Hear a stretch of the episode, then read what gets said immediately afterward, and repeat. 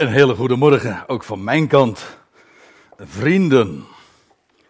En dit is dan de oudere versie van de, de Pieter, Pieter-familie, die op het podium staat. Ietsje ouder.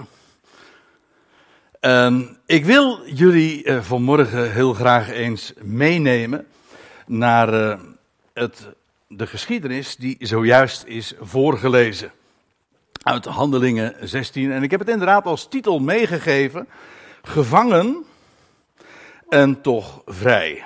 En als je goed hebt meegeluisterd zojuist bij de voorlezing van deze geschiedenis, dan begrijp je dat ook onmiddellijk. Maar ik denk dat er toch wel wat meer nog over te melden is. Al moet ik erbij zeggen dat ik onmogelijk die hele geschiedenis kan lezen. Ik heb het, uh, het wel laten voorlezen. Uh, voor eh, het verstaan van het geheel. Hoewel er trouwens nog een paar versen uh, skipte. Uh, maar dat heb je denk ik niet bewust gedaan. Klopt dat? Nee, maakt niet uit. In ieder geval.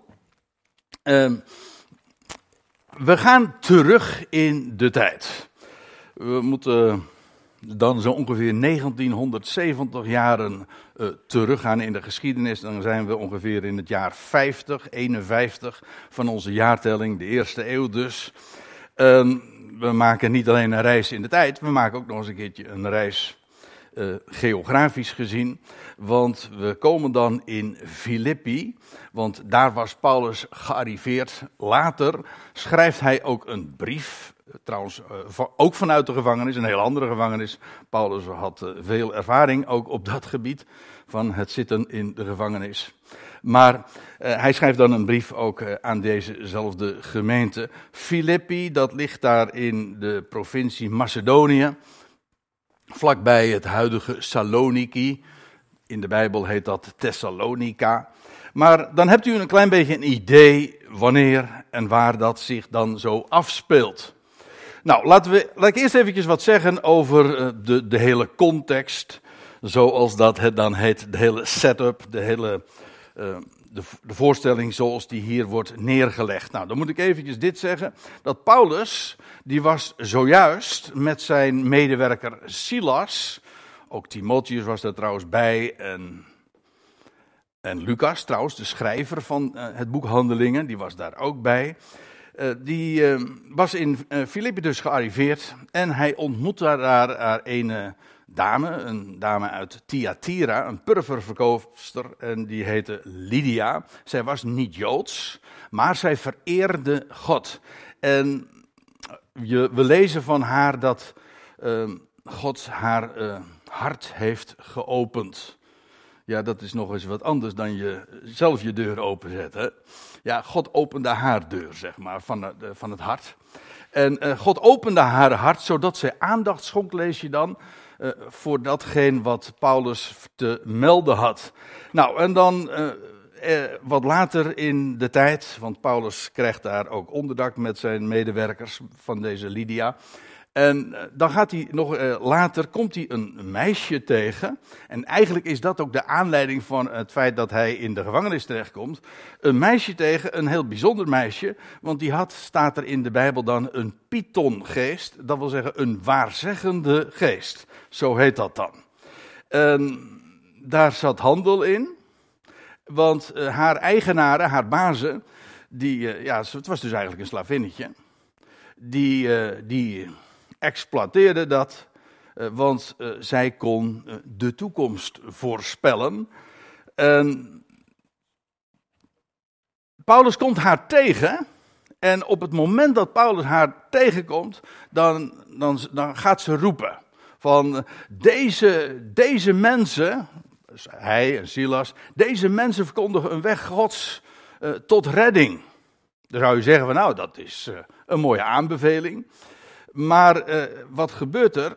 Dagen achtereen blijft dat meisje maar uh, achter Paulus aan uh, lopen en, en, en maar roepen en schreeuwen. De, nou ja, deze woorden. En op een gegeven ogenblik wordt Paulus dat, na, vele dagen staat er dan, spuugzat. Ik zeg het nu met mijn eigen woorden, want dat vind je niet in de vertaling. Maar dat, daar komt het op neer. Uh, die aanbeveling uh, die wilde die helemaal niet hebben. Die, dat meisje nou, spoorde niet. Dat was gewoon uit een uh, boze geest.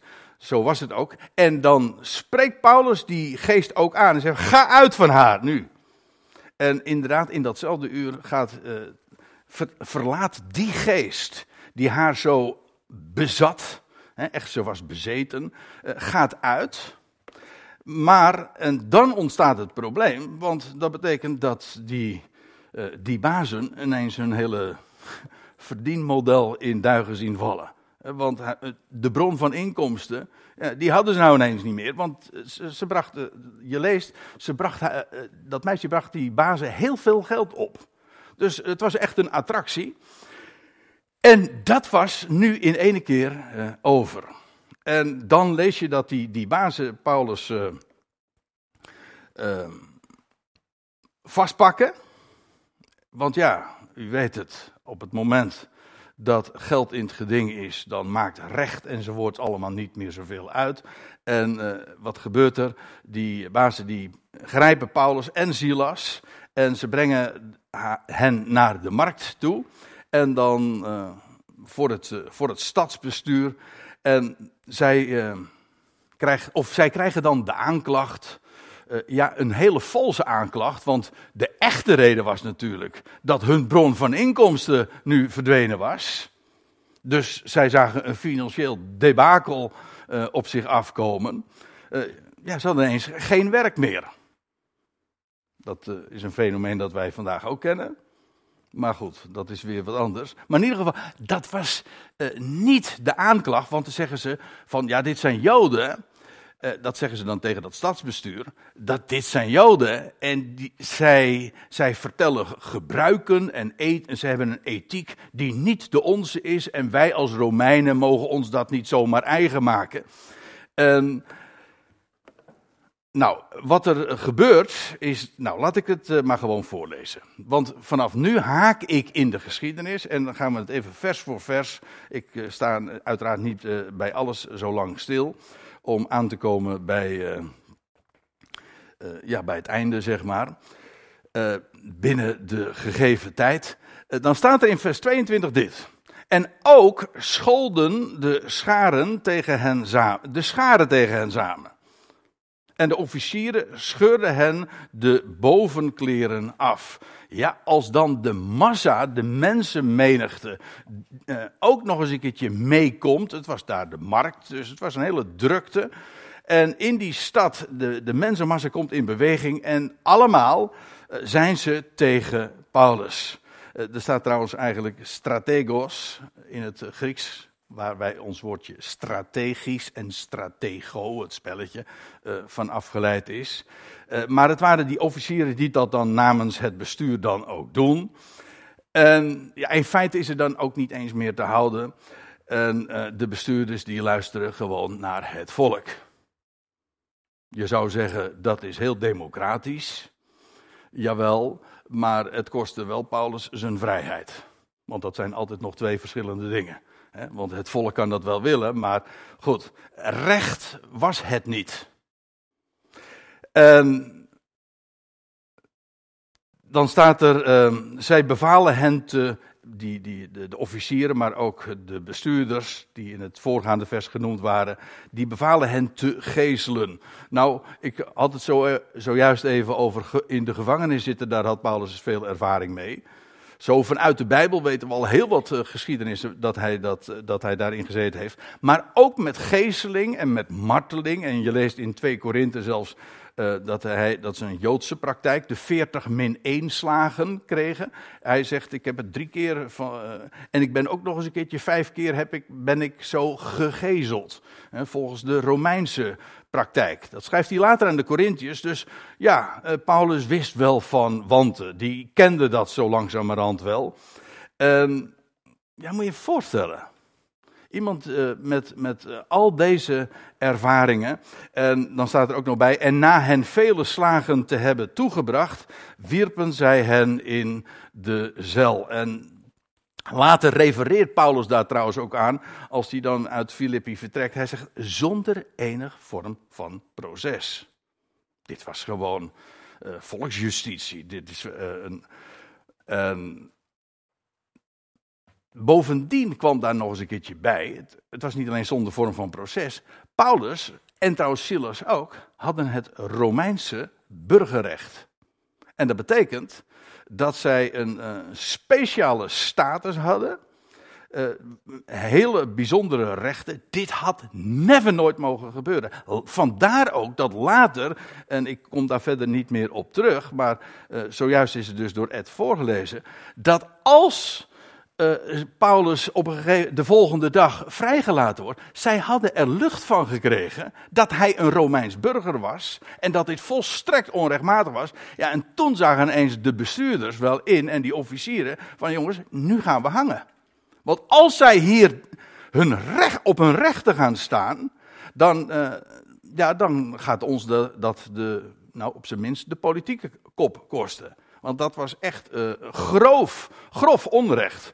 In ieder geval, uh, dat is. Uh, later lees je trouwens ook dat Paulus in de Thessalonicense brief, als hij op dit hele verhaal dan terugkijkt, dan zegt hij: hij zegt, we waren mishandeld en gesmaad. Het was smaad van het volk smaad ook van die bazen, van, die, dat, van dat meisje, die zeiden van onder valse voorwenselen die aanklachten uiten. Dat was smaad, het was gewoon onwaar. Bovendien was het onrechtmatig. Ze werden mishandeld. Het was eigenlijk een opeenstapeling van allemaal afschuwelijk onrecht. En dan staat er, en na hen vele slagen te hebben toegebracht, wierpen zij hen in de cel of in de gevangenis. En met bevel aan de gevangenbewaarder hen verzekerd te bewaren. Dat wil zeggen dat nog eens extra uh, vast te zetten, zodat ze niet zouden kunnen ontkomen.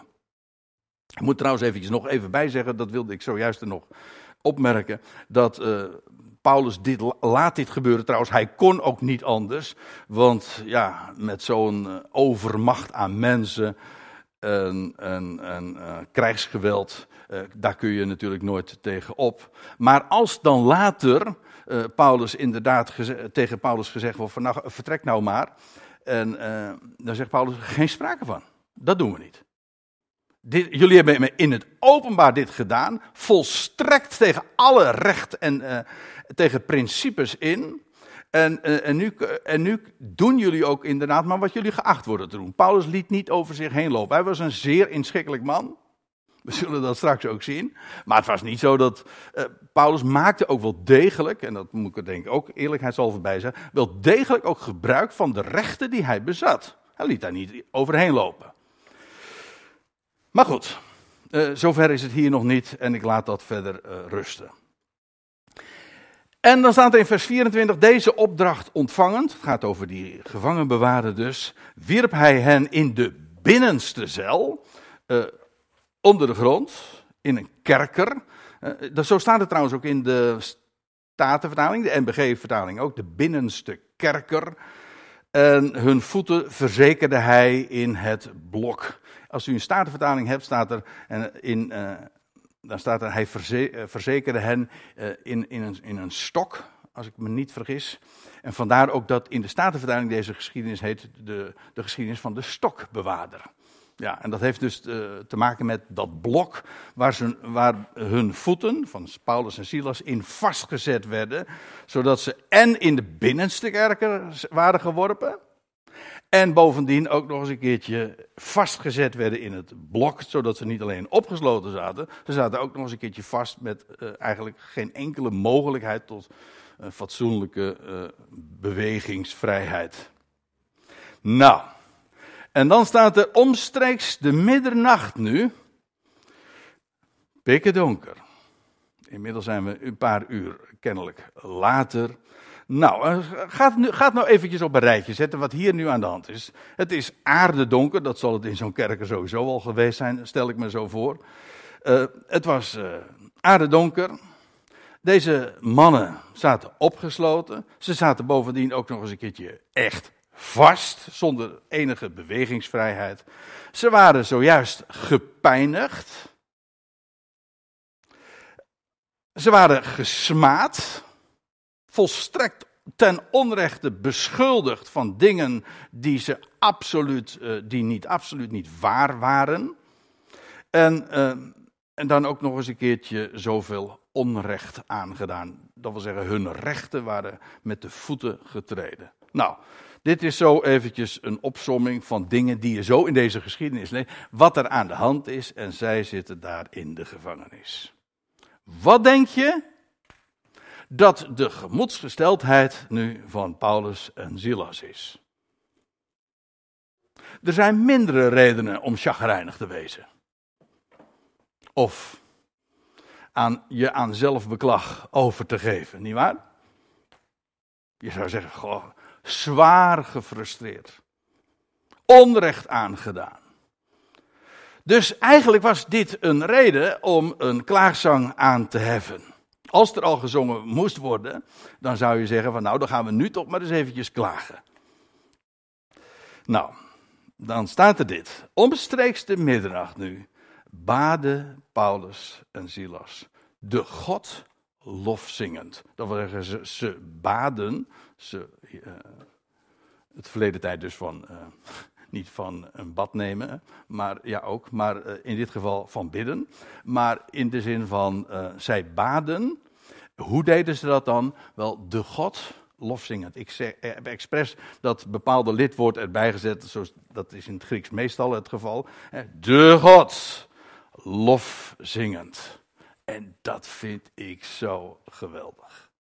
Dat contrast, daar midden in de nacht, in zulke omstandigheden. En dan, wat doen zij? Niets van dat al van wat je zou verwachten, een normale menselijke reactie, die emoties die zouden opkomen en wij zouden allemaal zeggen van ja, hè, de, logisch dat je zo reageert. Ja, maar nou is er één ding. Paulus en Silas, die kenden de God.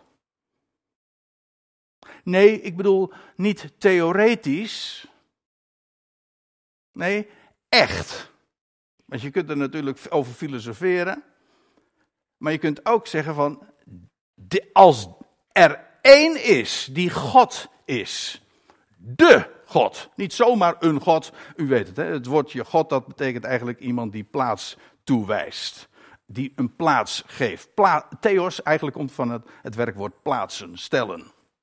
De God is degene die alles een plaats geeft. En er is niets dat plaats vindt zonder dat hij het een plaats geeft. En nu was hun plaats in de, in de binnenste kerker en hoe komt het nou dat ze daar zitten? Dan zou je zeggen, nou ja, die officier en die stadsbestuurders en die gevangenbewaarder hebben dat gedaan.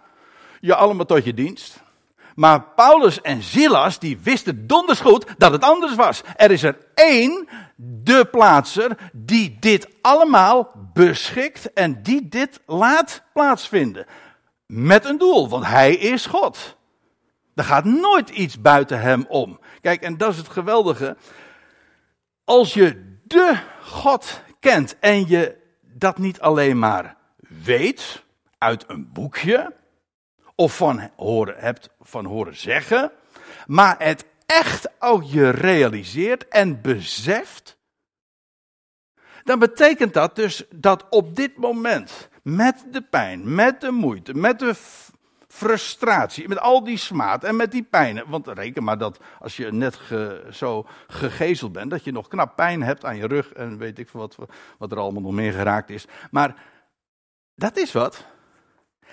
Zij wisten, er is er één die alles beschikt. Dus dit ook. Eigenlijk zou je nu eens eventjes moeten stil zijn en Besef wat dat betekent. Er is er één die ons hier laat plaatsnemen. Die ons hier geplaatst heeft. In deze tijd, in deze cel, op dit moment. En, op, en omdat zij zich daarvan bewust waren. Dit was niet iets bijzonders trouwens voor hen hoor. Dit moet je ook leren. Dat dit een vanzelfsprekendheid is. Hoor eens even, er is er één God. Er gaat dus nooit iets mis. Dat is, de, dat is de essentie van de wetenschap dat er een God is. Hij plaatst alles. Hij geeft alles een plek. Hij beschikt en er gaat nooit iets mis. Alles verloopt volgens zijn plan. En wat kun je dan dus doen? Nou, dus ga je niet klagen. Klagen doe je op het moment dat je denkt dat er van alles misgaat. En naar de mens gesproken zeg ik, ja, uh, dat, dat lijkt mij duidelijk. Maar het is niet zo. Er gaat niks mis en daarom klaagden zij niet. Integendeel, deze precies het omgekeerde. Ze zongen Gods lof. Ja, uitbundig. Ja, toen kon dat nog, Ton. Ja, zonder, nou ja. En nog wel in de gevangenis ook, hè. Ja. Maar ze, zij zongen Gods lof. En er was dus een, er was een lied in hun hart. Het is juist in zulke omstandigheden, altijd trouwens, maar juist in zulke omstandigheden is het zo geweldig te weten. Er is één en die kent ons. Hij is onze schepper en die heeft alles in de hand. Dit dus ook. En wat doe je dan? Dan geef je een ode aan hem. dit deed ze niet voor de bühne. Trouwens, ik vraag me af, wat hebben ze geweten van waar ze zaten? En dat was pikken donker. Ze deden dit, ja, ze zongen Gods lof. De lof aan God. En dan staat er nog bij, en de gevangenen luisterden naar hen. Niet alleen maar ze hoorden hen, maar ze luisterden naar hen. Geboeid, ja. Dat is wel aardig in dit verband. dat, eh, dat komt moeilijk anders in de, als je in de gevangenis zit. Ja, ze luisterden geboeid naar hen. Eigenlijk, ik vind dit een, een prachtig plaatje van de tegenwoordige tijd. En kijk, God roept vandaag een volk uit een ecclesia. Ecclesia betekent een uitroepsel. Niet de wereld, maar mensen roept hij uit de wereld. En een Lydia, hij opende haar hart. En wat er hier in dit huis, dit huis van bewaring, uh, plaatsvond, is een prachtig plaatje van die ecclesia die God zich vandaag verzamelt in deze tijd. En ik wil dat uh, graag aan, aan de hand van een paar dingen zo uh, laten zien. Uh, het is in een duistere wereld. De Ecclesia vandaag is ook geplaatst in een duistere wereld. En u begrijpt, ik zie dit nu ook als inderdaad een, als illustratief. Natuurlijk, het is historisch, hier in Filippi en de kerken enzovoort, tot je dienst, dat is waar. Maar eh, het is illustratief voor de Ecclesia in onze dagen. We leven in een duistere wereld. Vol onrecht.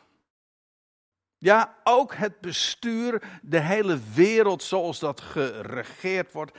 We denken, we hebben daar misschien allerlei verwachtingen van. Maar het is vol van onrecht. Wees daarop bedacht. Dat is niet, dat is niet, dat is niet bijzonder, eigenlijk dat is zelfs typerend voor deze wereld, in deze aion.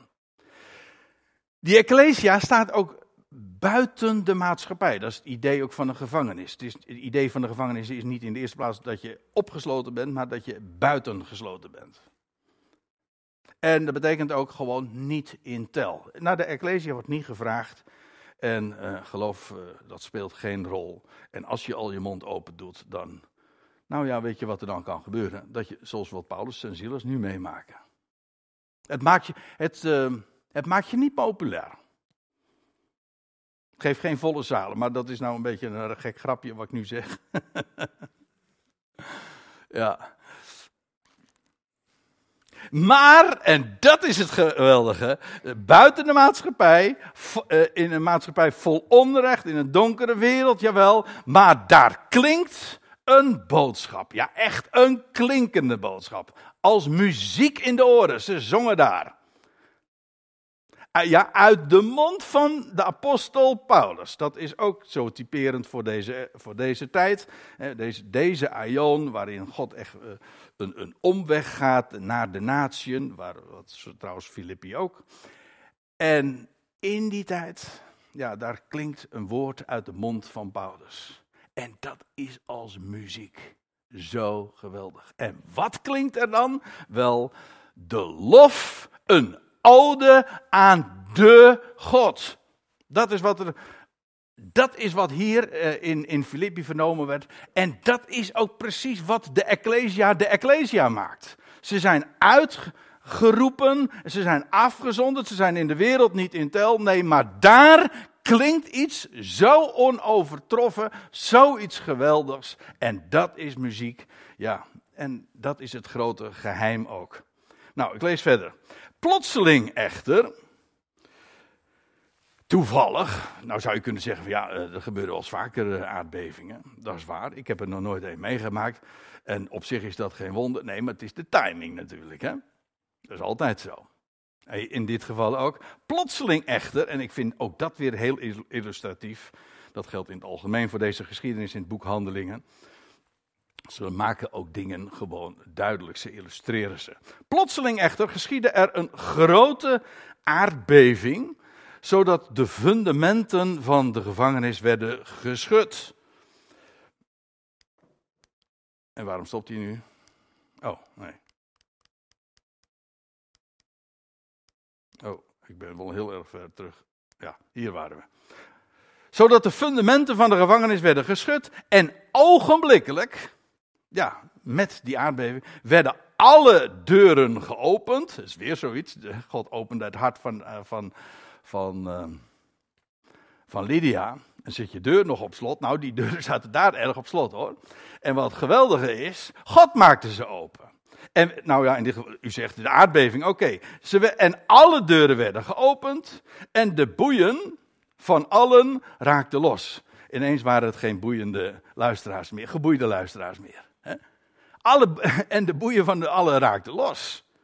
Kijk, dat is dus precies de, de, wat, de, eh, wat de titel ook aangaf. Gevangen, ja, en toch vrij.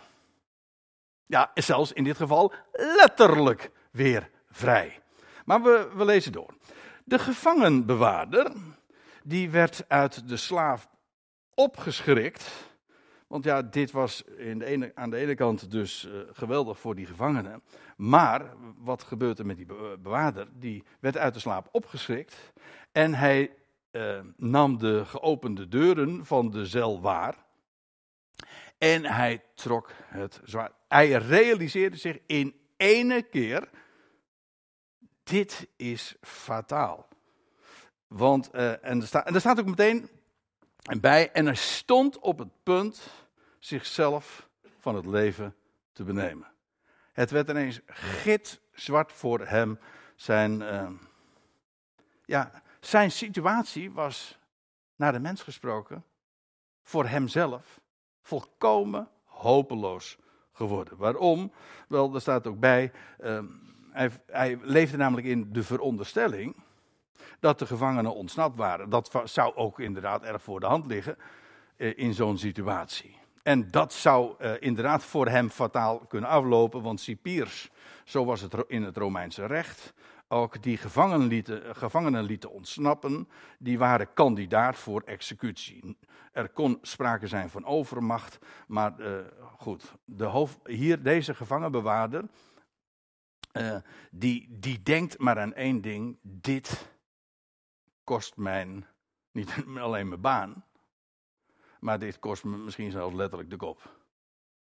Dus zijn hele toekomst ziet hij in ene keer helemaal in duigen vallen en hij ziet het totaal niet meer zitten. En hij wil zich dus inderdaad van het leven benemen. Over donker gesproken. Maar Paulus, staat er dan in vers 28, riep met luide stem en zei: Doe jezelf geen kwaad, want allen zijn in deze plaats. Het was nu even geen tijd om uh, te converseren, want hij, moest, uh, hij stond op het punt zichzelf in het zwaard te steken.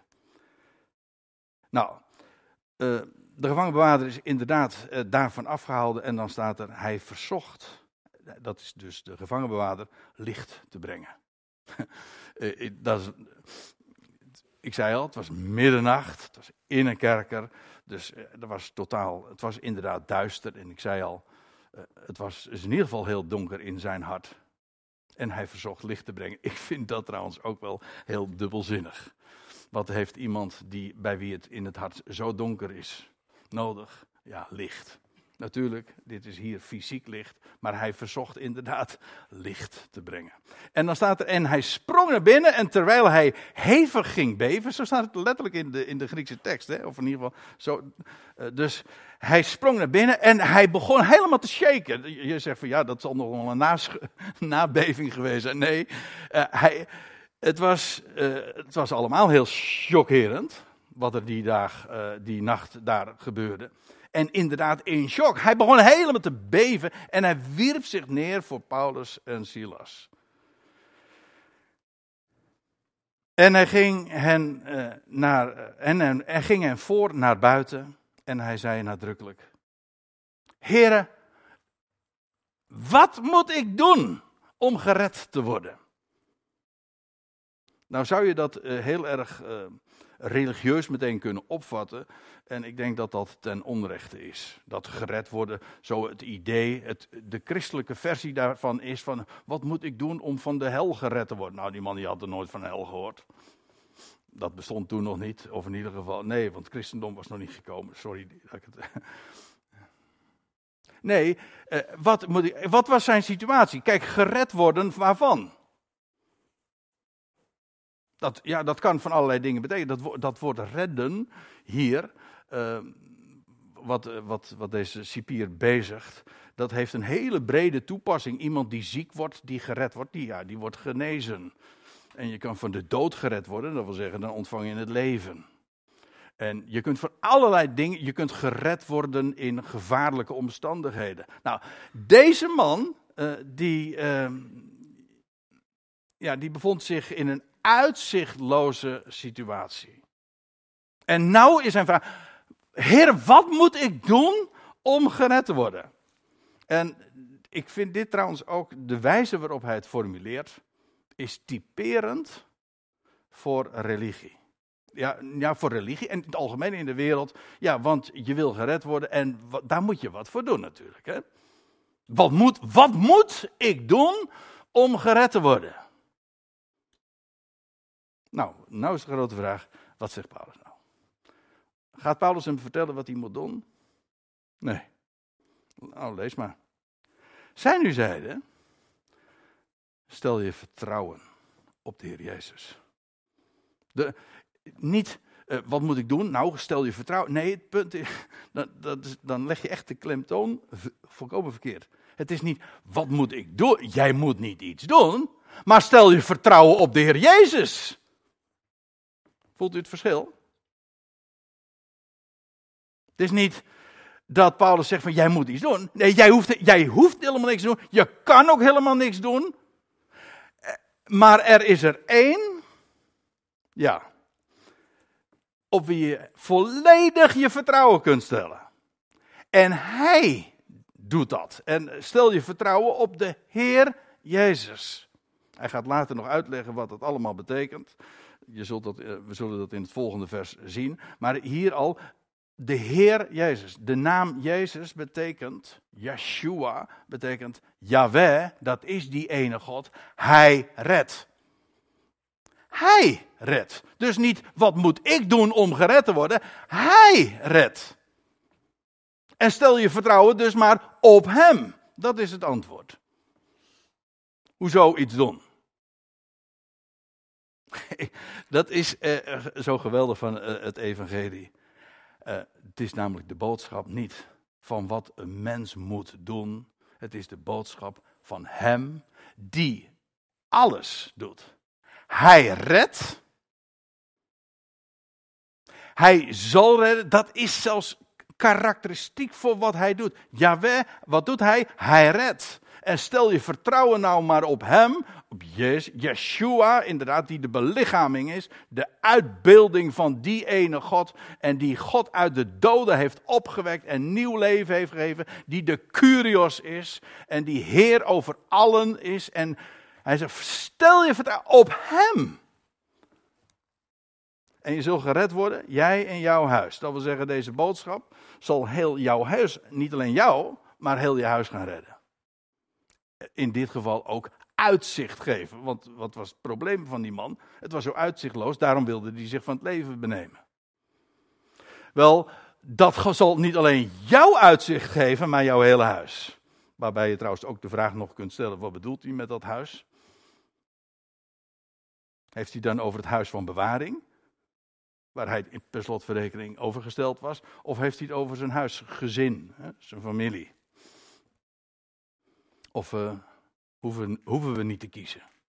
Ik weet het eerlijk gezegd niet. Ik vind eigenlijk die, de uitleg van dat het inderdaad over zijn huis gaat, in de zin van, uh, namelijk waar hij als cipier overgesteld was, uh, ook helemaal niet gek. Maar goed, je zult gered worden, jij en jouw huis. Trouwens, een universeel Bijbels principe dat het huis helemaal erbij hoort. Jij en jouw huis, Noach en zijn huis, Ragab en haar huis. Zo, zo werkt God altijd. Niet alleen maar met het individu, maar het hele huis gaat daarin mee. Geweldig. En ze spraken, staat er uh, Paulus en Ziel, en ze spraken het woord van de Heer tot hen. Samen met allen die in zijn huis waren. Ja, had iets geweldigs te melden. En, en, en, en dan staat er, en hij, dat is dan weer die gevangenbewaarder, hij nam hen mee in datzelfde uur van de nacht en hij waste hun striemen af. Want ja, dat zat er allemaal nog. En er staat er, en hij werd gedoopt terstond, hij en al de zijnen. Nou, niet zoals de MBG-vertaling zegt, hij liet zich dopen. Staat er niet? Hij werd gedoopt. En mensen denken dan meteen aan, eh, bij doop aan water. Maar hoe was het ook alweer? Wat in het begin van handelingen staat. Johannes doopte in water. Maar na hem zou iemand komen die niet zou dopen in water, maar in geest. En eh, hoe werd die gevangenbewaarder nu uh, gedoopt? Waarin? In water of in geest? Nou, ik zie dat ik helemaal geen tijd meer heb. Maar, dus ik skip het maar. Ik, maar ik leg het wel graag als, eh, als vraag hier in jullie midden. Uh, de, de, ellende van de MBG-vertaling is dat hij het meteen in een bepaalde hoek drukt. En dan moet je wel denken van hij liet zich dopen. Dus dat, dat moet dan water geweest zijn. Nou ja, denk daar eens over na. Bij een andere gelegenheid moeten we daar nog maar eens over hebben. Hij werd gedoopt. Daar stond hij en al de zijnen. En dan staat er nog bij en hij leidde hen naar boven. En die, die, die hij leidde hen naar boven. Meteen was de, het pad opwaarts. Ja, ja. En uh, tot in het huis en hij zette hen een tafel voor. Hij richtte een tafel aan. Vind ik ook prachtig. Want uh, moet eens kijken wat er verandert allemaal voor die man. Zo in, in één uur tijd. Paulus, die, de, voor hem en voor Silas wordt een, tafel aangericht. Het is een uitbeelding van, van gemeenschap, van vreugde, van overvloed. En ja, er was nu hoop gekomen. Verwachting. De uitzichtloze situatie was compleet veranderd. En, en dan staat er, en hij, dat is uh, dus die, die gevangene, hij jubelde. Ik vind dat zo mooi. Waarom? Juist ook als je je realiseert dat nog, nou misschien geen uur tevoren, die man zich eh, op het punt stond nog zich van het leven te benemen. En nu hij jubelde. Ja. Trouwens, dat woordje jubelen, dat is, als je dat in het Grieks bekijkt, dan, dan is dat eigenlijk afgeleid van, ja, van veel. er zitten twee woorden in, veel en springen. Dus iets van huppelen. Hij jubelde. Die man die was zo blij. Die had niet gehoord van wat hij moest doen. Hij, dat was zijn vraag. Wat moet ik doen? Maar hij had gehoord van iemand, de God, die alles gedaan heeft, die alles doet en die alles zal doen. En als dat zo is, dan kun je volledig dus je vertrouwen geven aan Hem. Kijk, dat is een blijde boodschap. Dat kan namelijk nooit misgaan. En dan kun je zeggen van, ja, maar ik kan zo weinig. Nou en? Alsof je iets moet doen. Dat dacht hij. En dat is wat zo'n enorm uitzicht heeft. Kijk, we leven natuurlijk ook nu in de tijd. Op zich niks bijzonders, want ja, uh, we leven al heel lang in een boze, donkere aion. Maar soms speelt dat zo uh, op en wordt dat nog des te duidelijker. Waarin zoveel duisternis is. Waar zoveel mensen zijn die in een uitzichtloze situatie zich bevinden. En wat heb je dan nodig? Krijg je dan aanbevelingen van dat moet je doen? Nee, dat moet je doen.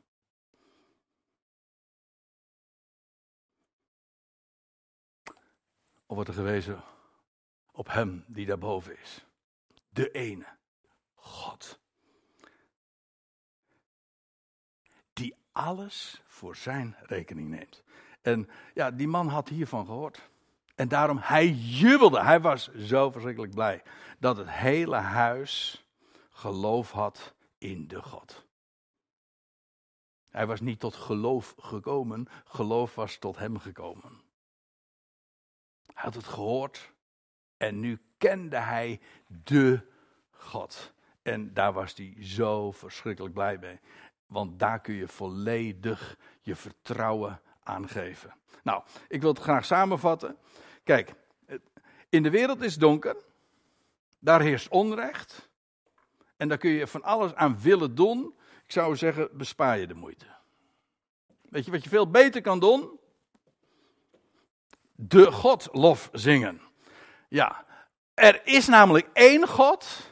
En als je dat weet en het volle rendement uit van die waarheid uit je leven haalt, dan heb je een ongelooflijk rijk leven. Laat de wereld nou maar klagen en, en, en onrecht bestrijden. Gefrustreerd zijn, uitzichtloos, zielig doen, zelfbeklag. Op het moment dat je God kent, de God kent, ga je lof zingen en dan wordt alles anders. Want dan krijg je zicht en vertrouwen op Hem. En dan, dan verander jij jezelf niet. Nee, dan gebeurt er wat met jou. En dat is precies als, als met die gevangenbewaarder. Ja, hij werd van iemand die zich van het leven wilde beroven. Roven. In no time was het iemand die jubelde. En een tafel aanricht en blijdschap heeft. Waarom? Ja, hij had het geloof gevonden in de ene God. En klaagzangen, die werden lofzangen. En ik geloof dat wat 1970 jaar geleden plaatsvond, nu nog net zo actueel is en nog net zo waar is, want die God, de God, is nog steeds dezelfde. En dat geeft onze reden om van te zingen. En daar gaan jullie ook van zingen. Zingen maakt blij.